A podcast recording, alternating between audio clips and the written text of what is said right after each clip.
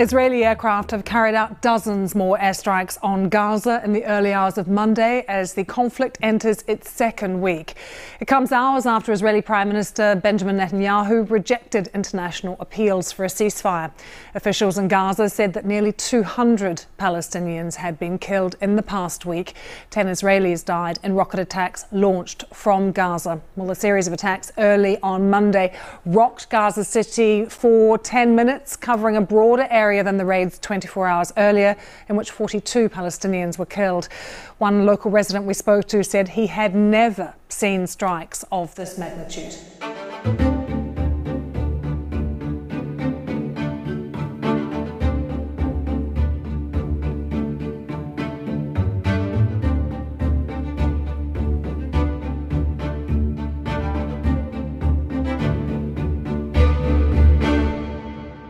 Varmt välkomna till Aftonbladet Utrikes. Jag heter Jenny Ågren. Det här är podden som handlar om världen utanför Sverige. Och jag har som alltid med mig Nivette Davoud. Hej! Hej! Mår du bra? Jag mår fint, fint. Aftonbladet Utrikes hittar du där du hittar poddar. Följ oss gärna i din poddspelare så missar du inga avsnitt. Och Det går också alldeles strålande att mejla till oss och då gör du det på utrikes.aftonbladet.se. Det här avsnittet det kommer att handla om konflikten mellan Israel och Palestina som ju återigen har blossat upp. Hur kommer det sig att det har blossat upp just nu? Finns det ens ett riktigt slut på den här konflikten? Och vad behövs göras för att få stopp på det här? Förutom att Nivette ska hjälpa oss att förstå mer kring det som händer så ska vi också snacka med Jan Eliasson, tidigare utrikesminister och också ordförande i FNs generalförsamling. Och han har ju också medlat i väldigt många konflikter. Vi ska höra vad han har att säga om det som pågår just nu. Nivette, det är inte ett lätt avsnitt som vi har framför oss. Nej, verkligen inte.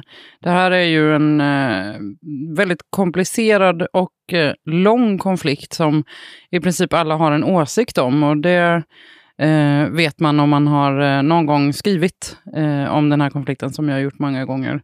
Eh, det går nästan inte att göra rätt, kan man säga. Eh, det kommer mejl från eh, båda håll om att eh, man har vinklat åt det ena eller det andra hållet. Men det eh, får vi helt enkelt eh, bara hacka i oss, därför att vi måste faktiskt förklara, även om det är svårt och komplicerat och eh, infekterat. Mm, och jag gjorde ju ett avsnitt i veckan med Aftonbladet Daily, den här andra podden som jag jobbar med med Wolfgang Hansson. Och det är precis som du säger, mejlkorgen är delad mm. efter att man har gjort ett avsnitt om eh, Man vill nästan skicka dem till varandra så att de kan få diskutera vidare. Ja, det kanske är, faktiskt är en idé. Det här betyder inte att vi inte vill ha mejl från er, utan hör av er. Absolut. Och Det här det spelar vi in den 19 maj. Vi vill därför påminna om att vad som helst kan komma att hända efter att vi har spelat in. Allting eskalerade i förra veckan efter flera veckors oroligheter med raketbeskjutningar från båda hållen. Över 200 har dödats och över 50 av dem är barn. Och som sagt, den här siffran kan alltså se annorlunda ut framöver. Ni vet, vi ska snart ta och gå in på varför det här händer just nu, men konflikten mellan Israel och Palestina är lång. Den håller på i över 70 år och för att lite mer förstå vad det faktiskt är som händer just nu så ska vi ta och backa bandet lite innan vi går vidare. Ja, konflikten mellan Israel och Palestina är en av de svårare att förklara. Den har framförallt pågått sedan 1948 då staten Israel bildades. Men det går såklart att räkna ännu längre bak i tiden för att hitta orsakerna. Men för att göra det lite enklare så håller vi oss från 1948. Efter andra världskriget så bestämde FN att Palestina skulle delas i två delar. En judisk stat och en arabisk stat. Men när Israel utropades som stat 1948 så utbröt krig när de kringliggande arabiska länderna inte ville acceptera Israel. Hundratusentals palestinier fördrevs från sina hem och Israel hade efter kriget utökat sitt område till nära 80 procent av Palestinas yta. Palestinierna hamnade på Västbanken och i Gazaremsan.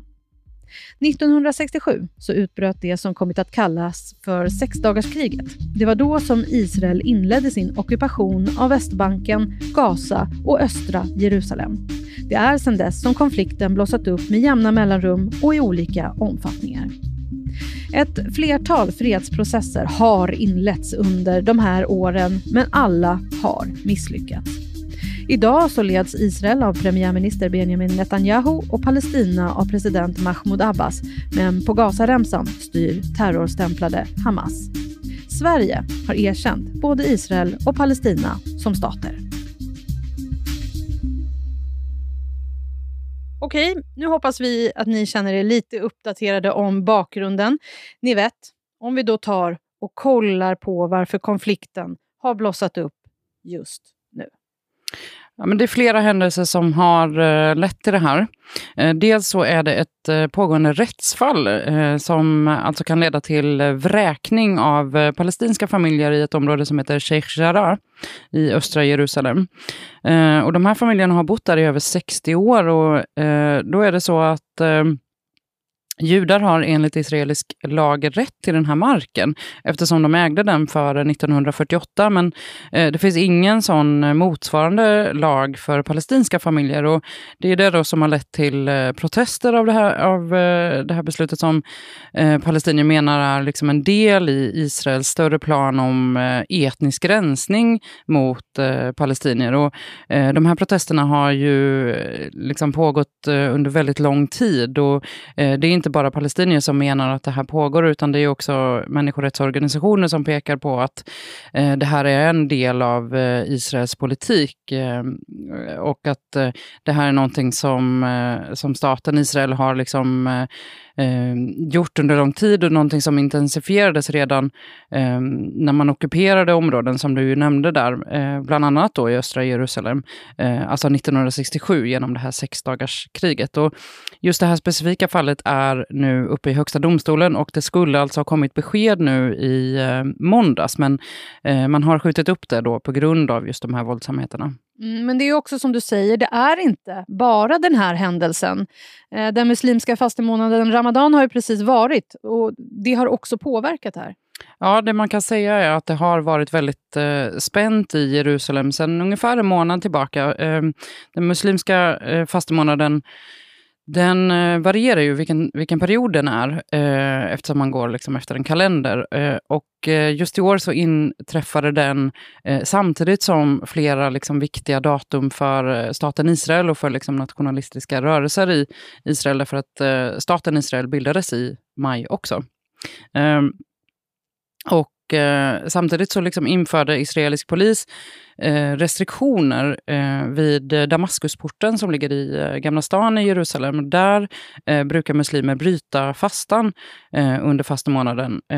och det här är liksom inte riktigt någonting som har skett vid tidigare ramadanfiranden. och man såg det helt enkelt som provokationer och det blev liksom demonstrationer och, och bråk helt enkelt. just på grund av det här. Och sen samtidigt så kan man också säga att, ja men som sagt den här konflikten då i, i um, Sheikh Jarrah, men också att eh, bos, bosättare och eh, ja, men extremister eh, har också liksom hållit eh, olika liksom högtidshållanden för eh, det här som jag sa då med att staten Israel, att man högtidlighåller att staten Israel har grundats. Ehm, så det har eh, som sagt liksom bubblat och, och, eskalerat. Och för väldigt många, inte bara palestinier utan också muslimer runt om i världen, så rann liksom bägaren över eh, när israeliska styrkor gick in i Al-Aqsa-moskén, som är alltså den tredje heligaste platsen för muslimer, mitt under den här sista viktiga fredagsnatten under Ramadan. Eh, och Eh, skickade in till exempel eh, chockgranater så att det blev väldigt våldsamt. Och eh, det här såg som en, ja, men, en, en väldigt stor händelse som, som Hamas, då, som är terrorstämplad organisation som styr Gaza, sa att det här skulle man hämnas för, och för liksom Jerusalem och för Al-Aqsa-moskén. så det var det som kan man säga fick det var liksom droppen. Och Det är liksom därför vi ser det som händer just nu med attacker också från båda hållen. Ja, precis. Eh, och det här, jag menar, Al-Aqsa-moskén ligger ju i Jerusalem, men eh, oroligheterna har spridit sig till eh, Gazaremsan, eh, där Hamas liksom har sin eh, bas. Och det är därifrån man skjuter eh, raketer. Det här har man gjort även tidigare, men det har verkligen eskalerat. Och man har skjutit flera tusentals eh, raketer nu på väldigt kort tid. Eh, och Israel har också då eh, bombat eh, Gaza, och det här har ju pågått, som du sa, i, i drygt en vecka. Ehm, så det har ju skett hundratals eh, dödsfall, eh, framförallt av palestinier. Eh, och, som, och, som du nämnde också så har ett antal av dem också varit barn.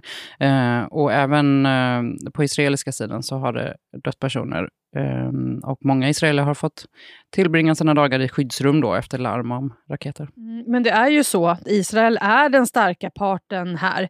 Man kan säga att det är som Davids kamp mot Goliat. Mm.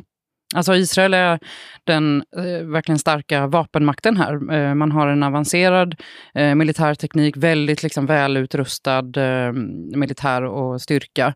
Eh, Hamas är ju egentligen ett parti då med en väpnad eh, gren som är terrorstämplad. Eh, och eh, den gruppen får ju förvisso också stöd från andra länder som Iran till exempel, men eh, det går absolut inte att jämföra de vapen som Hamas har och raketer som man bygger med den militära makt som Israel har. Eh, och här ska man också liksom vara medveten lite om vad Gazaremsan är för typ av plats. Eh, där bor alltså nästan två miljoner på en, ganska, på en väldigt liten yta och de kan inte ta sig någonstans. De är mer eller mindre inlåsta. och Även utan det här nuvarande liksom krigstillståndet så eh, är det där ett väldigt, väldigt svårt läge. Det finns aldrig el dygnet runt, det råder vattenbrist. Eh, eh, I princip alla är traumatiserade av liksom tidigare strider som de blossar upp då och då. Och man brukar beskriva det här som ett utomhusfängelse ehm, därför att situationen är så svår. Det är inte lätt att ta sig ut från Gaza. Alltså ett, ett, en, liksom, det som vi skulle kalla för en enkel resa till Västbanken till exempel måste planeras i veckor och kan stoppas av att man inte kommer igenom en checkpoint till exempel. Och på det här nu så har ju också coronapandemin skett. Eh, så det har varit, innan den här eh, liksom uppskalade konflikten så, så har man också haft en väldigt lång lockdown eh, i Gaza. Så man brukade eh, kalla det för liksom en lockdown i en lockdown, ett fängelse i ett fängelse nästan. Det låter som en fruktansvärd situation som de här människorna befinner sig i. Ja, verkligen. Eh, och det ska man eh, veta om i det här att eh, det är inte två jämnbördiga parter, utan det är snarare en, eh, en stat, Israel, eh, mot eh, liksom en militant eh, gruppering som absolut inte alla palestinier eh, stöttar, till exempel, utan de civila hamnar ju mitt i det här. Mm. Och det, för det är ändå så att det är fortfarande fler palestinier som dör än israeler. Och, och det har ju med att Hamas på den palestinska sidan inte har om man nu ska prata om bra vapen. Men har, de har inte lika bra vapen helt enkelt som Israel. För man ser ju också att Israel skjuter ner deras mm, raketer. Precis, och det, här, det, det, är väldigt, det är verkligen här vi måste nästan trippa lite på tå. För att man, det är väldigt vanskligt att göra sådana här jämförelser när det handlar om människoliv och sådär. Men um, Eh, Eh, man kan ju verkligen säga det här med att eh, Hamas har ju skjutit extremt många eh, raketer nu, fler än, än eh, sägs det, än, än, under tidigare krig. Men ehm, det är ju som du säger att det är få eh, israeler i jämförelse då med antalet eh, palestinier i Gaza som har dött. Och det är ju för att eh, Israel har en sån här luftvärnssköld som heter Iron Dome, där man liksom detekterar raketer och och kan oskadliggöra dem. Och det eh, gör man i, jag tror att det är 90 procent av fallen. Och det är också därför som Hamas skjuter så många raketer, för att det blir svårare då att liksom eh, detektera raketerna. Um, men sen också, eh, som jag nämnde då, att, att Gazaremsan är en väldigt speciell eh, plats. Eh, och där säger ju Israel att Hamas liksom utnyttjar lokalbefolkningen. Därför att det är så himla litet, att man, att man använder byggnader där lokalbefolkningen bor och gömmer raketer och liksom vapen i bostadshus och liknande. Och att man har liksom olika eh, planeringscentraler och sådär. Och, eh, det är ju därför, eh, säger Israel, som, som man har attackerat till exempel ett höghus där flera internationella medier eh, hade sina redaktioner därför att man sa att det fanns en, eh, eh, någon slags eh, forskningsbas eller liknande för Hamas där. Eh, och det är också därför som eh, väldigt många civila eh, blir liksom mål. Eh, därför att i samma hus, menar Israel, så finns det också liksom hög, eh, högt uppsatta Hamas-ledare. Så det går liksom inte att urskilja ehm, när de målen finns på samma lilla yta, säger Israel. Eh, ni vet, eh, det händer ju också en hel del nu då i östra Jerusalem. Eh, det händer saker där som inte brukar hända när den här konflikten blossar upp med jämna mellanrum.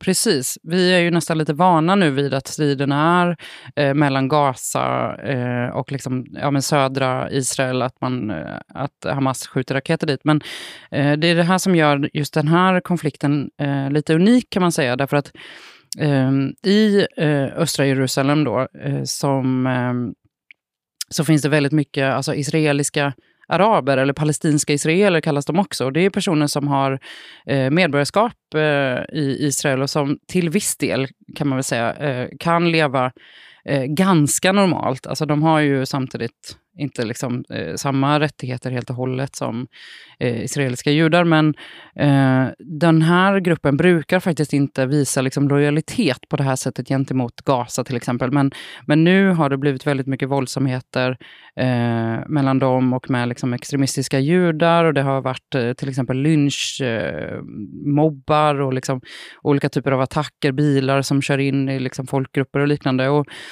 Um, och då ska man veta att det här liksom hatet mellan de olika ja, men, extrema grupperna både, på båda sidor, det har verkligen eldats upp av att det nyss har varit val i Israel.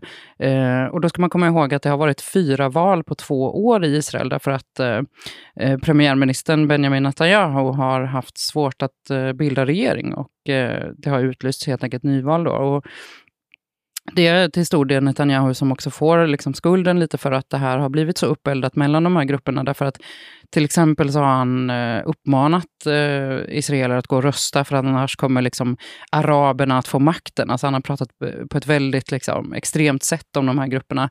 Eh, och Eh, där, samtidigt har man kunnat se då att de här olika attackerna och lynchningar och liknande har eh, ökat och liksom, eh, är i en mycket större omfattning nu. Och därför så, så sticker det ut lite nu, konflikten i eh, Jerusalem. Och, och, det eldades ju såklart på av liksom Al-Aqsa moské-attacken som ju också var i Jerusalem. Så att, eh, det här kan man också eh, se eh, ytterligare en, en liksom sak som gör att det här sticker ut, är just att, att Hamas eh, faktiskt också skickar sina raketer mot eh, Jerusalem. Eh, och det eh, har inte heller skett i sån här omfattning tidigare, därför att det bor väldigt eh, många palestinier där ju, och eh, många bor väldigt tätt. Ehm, och det finns också religiösa liksom, helgedomar för, för alla religioner. Eh, så det är också någonting som sticker ut just i den här konflikten. Ja, för det är ju också så, ni vet, eh, många vet att Jerusalem är en speciell plats för väldigt många. Även om det egentligen inte finns några tillgångar där som folk är ute efter, som till exempel olja eller vatten eller något annat som man kan bli rik på, som folk kan bli i, i eh, Mellanöstern. Men Jerusalem är en speciell plats för tre olika religioner. Mm. Verkligen, det är en eh, helig plats för judar, muslimer och även kristna. Och Eh, alltså alla som har varit där, jag önskar nästan att jag kunde ta med dig dit för att liksom eh, walk down eh, religionernas liksom, stora, viktiga, symboliska plats. Alltså särskilt i eh, Gamla stan. Även om man kanske inte har någon liksom, eh, egen, alltså att man eh, tyr sig till någon religion eller liknande. Om man är kanske till och med superateist, liksom, så, så kan man inte låta bli att känna hur viktigt viktigt eh, liksom, den, eh, historien och religionen är i denna plats. Eh, och det är dessutom en, en blandad stad. Alltså både judar och, och kristna och muslimer rör sig där. Eh, framförallt kan man verkligen se det i Gamla stan som ju är, är egentligen jättelitet. Eh, men det är också samtidigt en vanlig liksom, storstad. Eh, men som också då är väldigt liksom, historiskt viktig på många sätt. Och det är verkligen ingen konstig sak att man ser så grupper av pilgrimer eller liksom olika processioner av olika olika slag. Men det finns också eh, eh, bosättare och, och, konflikter mellan människor om, om marken, som till exempel då i Sheikh Jarrah. Eh, det finns checkpoints, det finns eh, Eh, universitet, det finns pubbar, konsertlokaler. Alltså allt det här finns i den här eh, staden som är så oerhört viktig. Och, eh, just östra Jerusalem är också viktig för palestinier vill ju se eh, östra Jerusalem som eh, sin huvudstad i en eh, palestinsk stat. Eh, och det, det, var ju liksom också eh, därför som det blev så jättestort när eh, USAs förra president Donald Trump flyttade på amerikanska ambassaden till Jerusalem från Tel Aviv. därför att länder har ju placerat sina ambassader i Tel Aviv just av, eh, med anledning av att Jerusalem är så, det är liksom så otroligt infekterat. Och, och som sagt, östra Jerusalem är ju eh, ockuperat. Um, och så brukar man ha då generalkonsulat i Jerusalem istället. Och det har även Sverige. Och det har liksom fungerat, kan man säga, eh, som liksom ambassad åt palestinierna. För att Jerusalem ligger ju nära eh, Västbanken.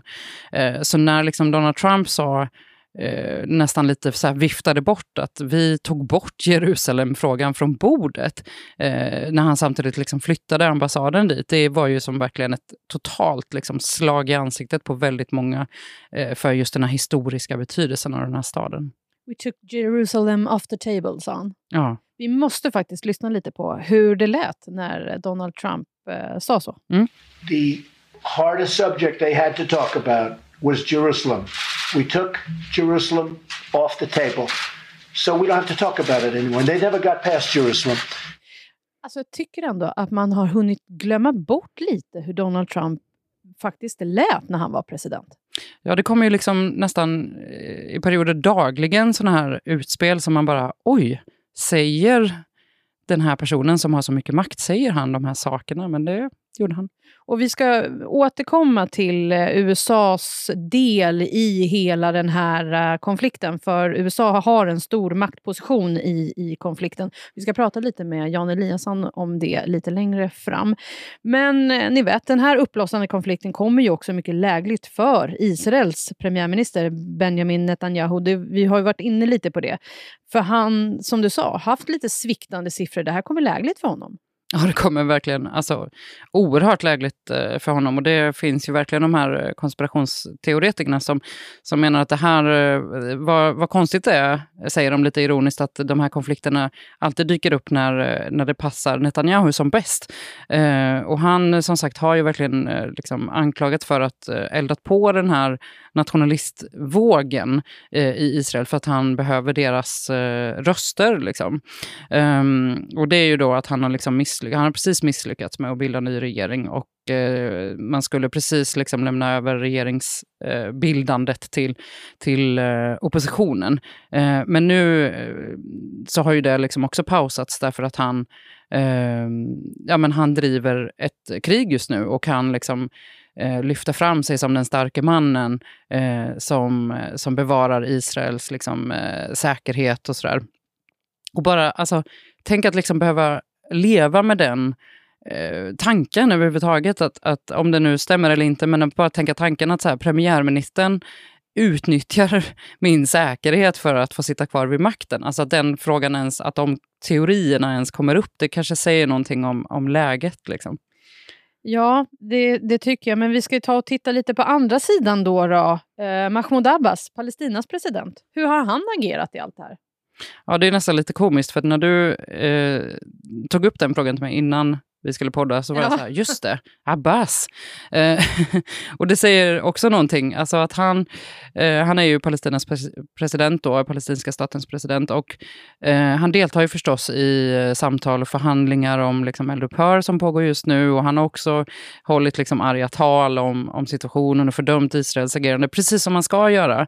Men det som är väldigt eh, svårt är egentligen två saker. Att han eh, ses inte som särskilt legitim längre. Eh, han har precis eh, ställt in val eh, som skulle ske ehm, för den palestinska befolkningen. Det har inte skett val på, jag tror att det är 15 år. Eh, och många menar att han, eh, alltså han skyllde på coronapandemin och restriktionerna, men att det egentligen handlar om att han inte vill förlora makten därför att han har så lågt stöd. Men också för att konflikten här är egentligen, eh, eller framför allt mellan Israel och eh, militanta grenen i Hamas. Eh, och eh, det kan man också se faktiskt nu bland de som eh, protesterar, att där kommer det liksom slagord för Hamas. Och att eh, ja, men Abbas är liksom nästan lite utmålad som eh, ja, men, eh, en, ja, vad ska man kalla det, liksom en svikare. Eller liksom att han, eh, han, är, han anses helt enkelt vara svag för att han för någon slags kommunikation ändå med Israel och framförallt med USA. Alltså de som försöker att liksom, eh, instifta ett eldupphör. Så att han har väldigt, väldigt lågt eh, stöd och eh, det blir absolut inte bättre av det här utan snarare hans, hans stöd stärks absolut inte utan det blir nog snarare svagare. Kommer vi höra mer från honom tror du? Alltså, eh, faktum är att han, eh, han, han kommer nog hålla sig i, i kulisserna, skulle jag gissa. Eh, och, och, man kan verkligen se det när man tittar på de här olika länderna som försöker att eh, förhandla om ett eldupphör. Att, eh, det sägs att Egypten till exempel, som är en, en viktig part här, de kommunicerar inte ens med Abbas, utan att man eh, pratar direkt eh, med Qatar, där Hamas ledare befinner sig. Så att jag har väldigt svårt att se att han kommer liksom steppa upp i den här konflikten och bli någon slags han vinner absolut inte på, det, på läget som det är nu. Ja, ni vet, då ska vi ta och kalla in en person som verkligen kan det här med diplomati och att medla i tuffa konflikter. Han har varit utrikesminister, ordförande i FNs generalförsamling och som sagt medla, medlat i otaliga konflikter. Hej och välkommen till Aftonbladet Utrikes, Jan Eliasson. Tack så mycket. Jan, hur mår du idag? Jag mår bra. Det ser ut att bli en fin promenad med min hund Leo om en liten stund. Ut längs vattnet och i skogen, så det ser jag fram emot. Pandemin har faktiskt lett till att man har kommit ut i naturen mer än tidigare. Vad skönt för dig. Mm. Du, ja. Ehm, Jan, vad tänkte du när kriget blossade upp igen mellan Israel och Palestina? Jag tror jag sa inte en gång till i, i viss frustration och uh, sorg över att se detta hända igen.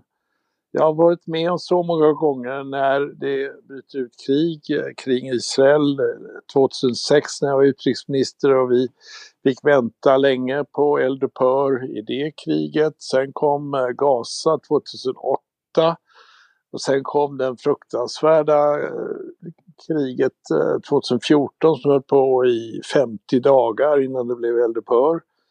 Och nu kom eh, det igen 2021. Så det är ständigt återkommande eh, och ett tecken på att eh, den här konflikten mellan Israel och Palestina den är som ett infekterat sår i eh, världspolitiken och så länge vi inte försöker nå grundproblemen och grundlösningarna så får vi nog räkna med att se de, de här fruktansvärda tragedierna bryta ut, bryta ut med en viss regelbundenhet. Du har ju medlat i eh, andra konflikter. Skulle du säga, är det här den absolut svåraste konflikten att få en lösning på? Ja, jag tror jag måste säga det. Jag har jobbat med den i eh, över 40 år faktiskt. Eh, från min tid i UD och FN. Och vi har varit nära några gånger Eh, Sverige och Norge gjorde insatser på 80-90-talet, Osloavtalet, men det blev inte realiteter. Vi var oerhört nära 1995 när premiärminister Rabin var den som bestämde Israel. Då var det väldigt nära att det var ett genombrott. Men han blev mördad av en terrorist, en, en extremist, en judisk extremist, så det gick i stöpet. Sen gjorde Clinton ett allvarligt försök tycker jag innan han skulle avgå. Han jobbade dag och natt ute på en gård utanför Washington med, med Arafat och med, med de israeliska ledarna. Men det gick också inte igenom heller. Så att det, det är ständigt så att man kommer nära men när det gäller så, så, så blir det ingen lösning och den, den är fruktansvärt svår. Hur, hur långt bort från fred skulle du säga att vi är idag? Tyvärr måste jag säga att vi är långt ifrån fred. Eh, det, för det första ska man nu uppnå, äntligen hoppas jag, eldupphör inom de närmaste dagarna. Trycket ökar ju oerhört hårt nu på USA. Frankrike lägger fram en ny resolution idag eller imorgon tror jag i säkerhetsrådet. Den har USA fördröjt tidigare, men det är det första steget bara. Men eh, vad händer sen då? Därför att det, det, är ju sådana stora frågor som står på spel och, och, det som gör den här situationen allvarligare än tidigare det är att det är Jerusalems status som har kommit i, uh, i centrum för intresset. Det var ju eh, uh, israelisk polis som gav sig in i Al-Aqsa-moskén och uppträdde på ett sådant sätt så att uh, Hamas satte igång de här eh, beskjutningarna som givetvis är, är folkrättsstridiga. Men sen satte då eh, de israeliska motinsatserna in och det blev ju ett oproportionellt, oproportionerligt våld jämfört med vad som missilerna från Gaza innebär. Därför att Israel har ett fantastiskt eh, bra system som kallas järndomen som stoppar missiler. Men tillbaka till Jerusalemfrågan därför att eh, innan det här hände i Al-Aqsa-moskén så pågick det vräkningar utav palestinier från ett område som var bestritt i östra Jerusalem och där skulle alltså judiska eh, bosättare flytta in. Och östra Jerusalem är liksom hoppet om en huvudstad för palestinierna på samma sätt som Jerusalem i hoppet för, för eh, Jerusalem är Israels huvudstad. Så i den lösning som man hoppas ska komma till slut så ska ju då det vara två huvudstäder med Israel. Eh, med Jerusalem som så att säga bron mellan dem. Och dessutom pågick det eh, förstörelse av hus. Så det var vräkningar och, och förstörelse av hus. Det där gjorde att stämningen var så stark.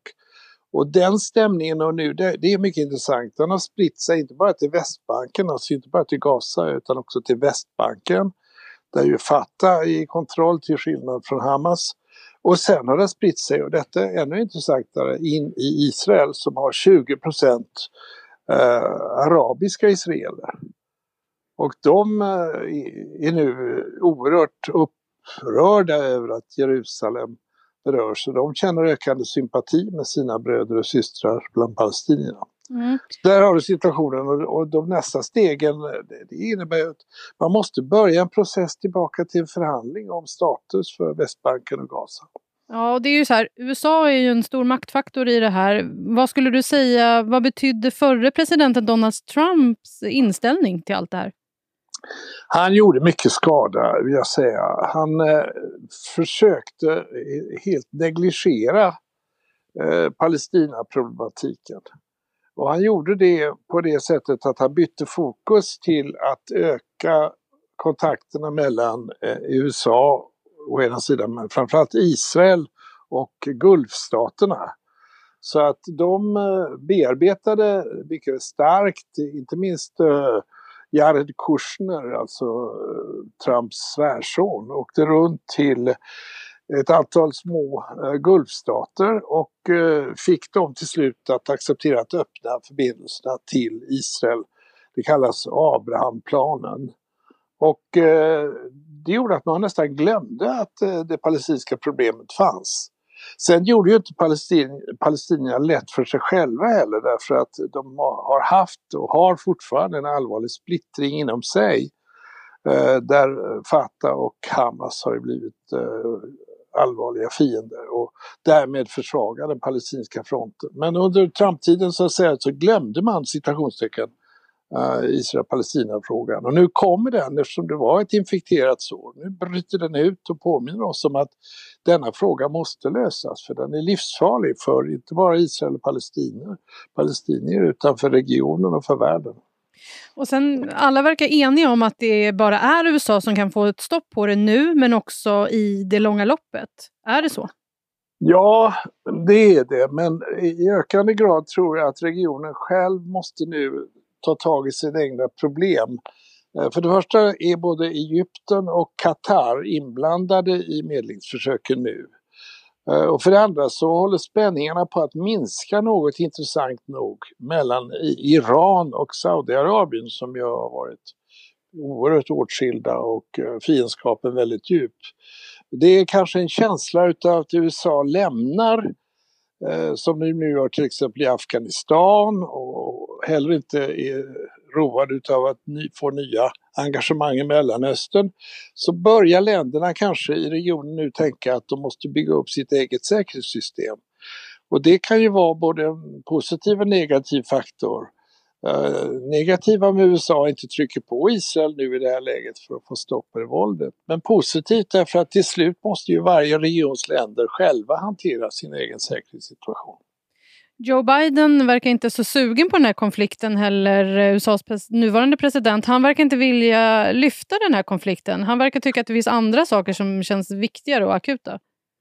Ja, jag tror överhuvudtaget att han inte vill eh, Eh, att USA ska gå ner i, i, långa, omöjliga, svåra krig. Han har ju sett vad som hände i Irak. Det var en katastrof för USA och även för regionen. IS tillkomst och allt elände som Irak drabbades utav. Och sen Afghanistan, eh, ja, det är svårt att de lämnar, det, det kommer att skapa nya problem som är mycket allvarliga men det var ju för USA också en, en, en, misslyckad operation. Så han vill inte komma in i militärt hänseende utan han vill snarare komma in som en diplomatisk aktör och en ekonomisk aktör. Men eh, på samma sätt som jag sa tidigare, han kan inte heller eh, låsa ute verkligheten.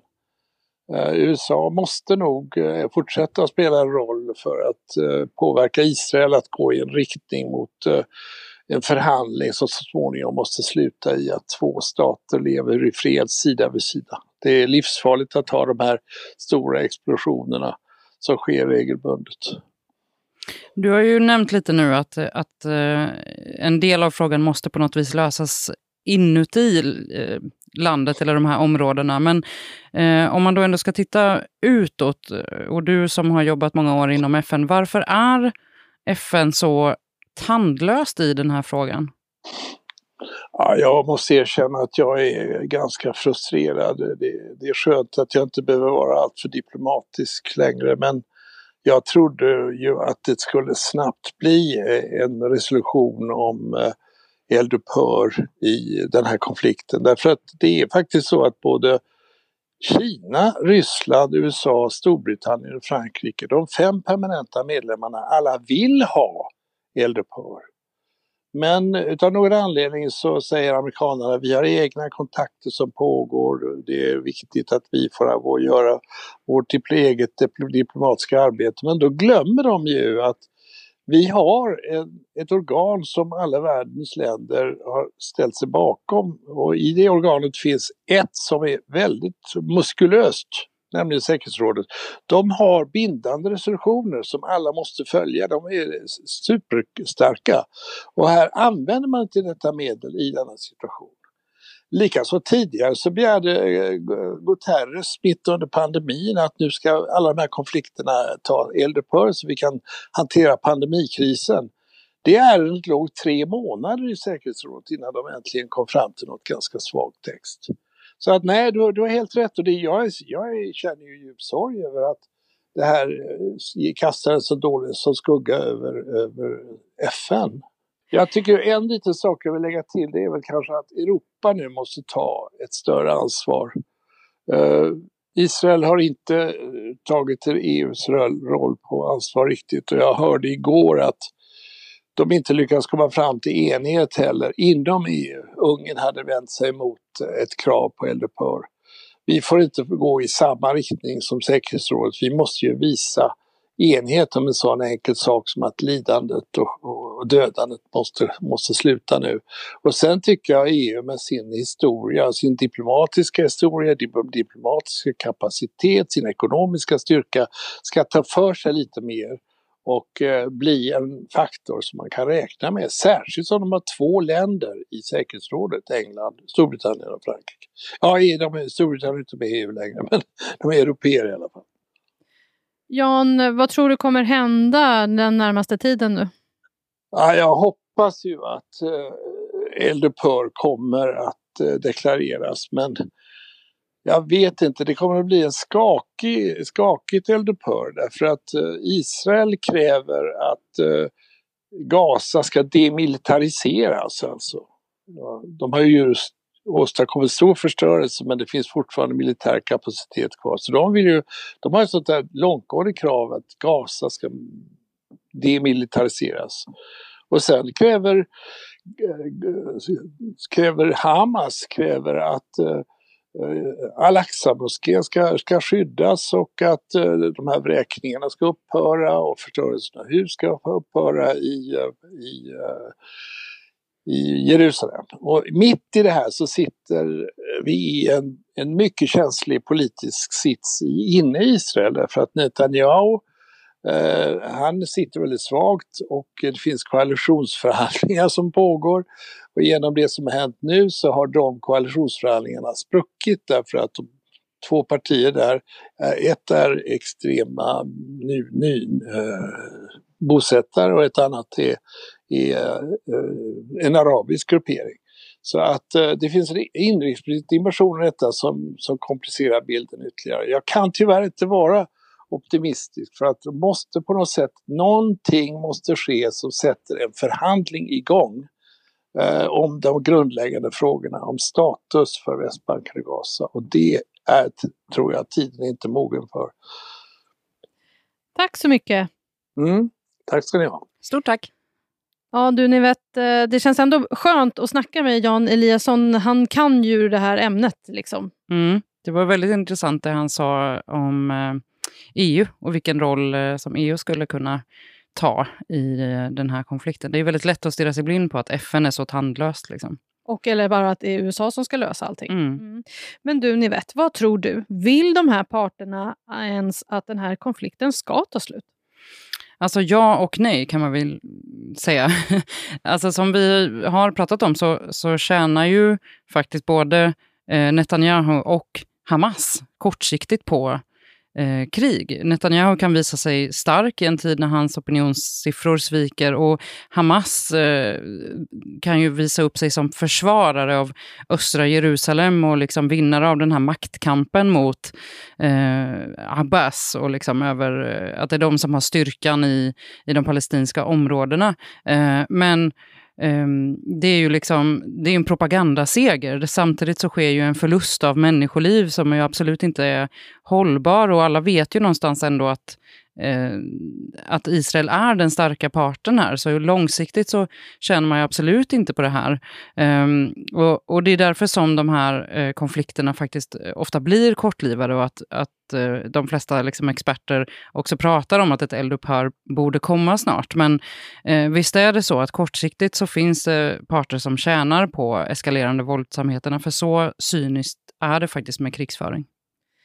Vi eh, håller faktiskt tummarna för att det kommer någon form av vapenvila så snart som möjligt. Och Det kan ju vara så att när du som lyssnar på den här podden lyssnar på den, då kan det faktiskt redan ha inträffat. Inshallah, mm. som vi säger. Ja, eh, så ni vet, vi är ju klara för idag nu. Mm. Känns det som att vi har fått med det mesta? Ja, det, man känner sig aldrig helt färdig när det kommer till det här ämnet, men jag tror att vi åtminstone har bidragit med en uh, djupare bild. Mm, ja, precis, ja, vi hoppas att du som har lyssnat känner dig uppdaterad på vad som händer i Israel och Palestina. Och du kan självklart läsa mer på aftonbladet.se. Där finns det mer eh, information. Du får också väldigt gärna följa Aftonbladet Utrikes i din poddspelare, för då missar du inte när vi kommer ut med nya avsnitt. Och så såklart, mejla oss. Ja, mejla utrikes aftonbladet.se. Då säger jag tack för idag, ni vet. Tack själv. Hej då. Hej då.